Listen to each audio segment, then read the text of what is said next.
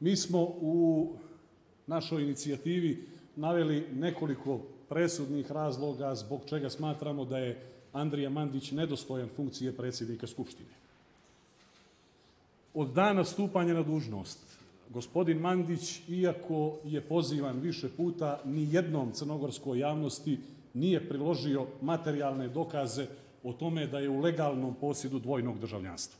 Šta više, niz je materijalnih dokaza i javnih potvrda i priznanja Andrije Mandića o tome da je u nelegalnom posjedu crnogorskog državljanstva.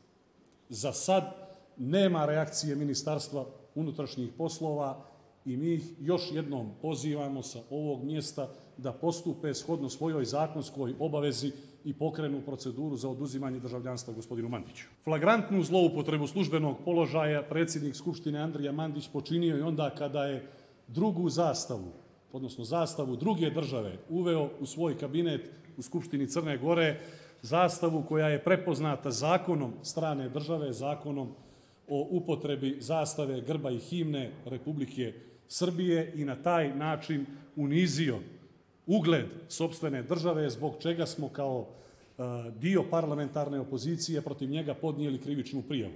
Konačno, neustavna čestitka povodom Dana Republike Srpske i organizacija posjete deklarisanog negatora genocida u Srebrenici Milorada Dodika Skupštini Crne Gore ne predstavlja ništa drugo nego svrstavanje na stranu onih politika koje imaju za cilj razbijanje Bosne i Hercegovine.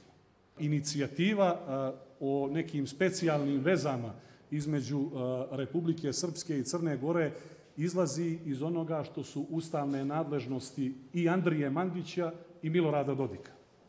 Jer da bi se uspostavljale specijalne veze između dvije države, po pravilu o tome treba da razgovaraju vlade, očekujemo podršku od svih onih političkih snaga koje se deklarativno zalažu za evropski put ove zemlje. Evropski put ove zemlje je grubo napadnut prethodnih dana. Kad kažemo grubo napadnut, to znači da je Aleksandar Vučić, predsjednik Republike Srbije, pokrenuo operaciju rušenja vlade u Crnoj Gori preko svojih spavača unutar sistema.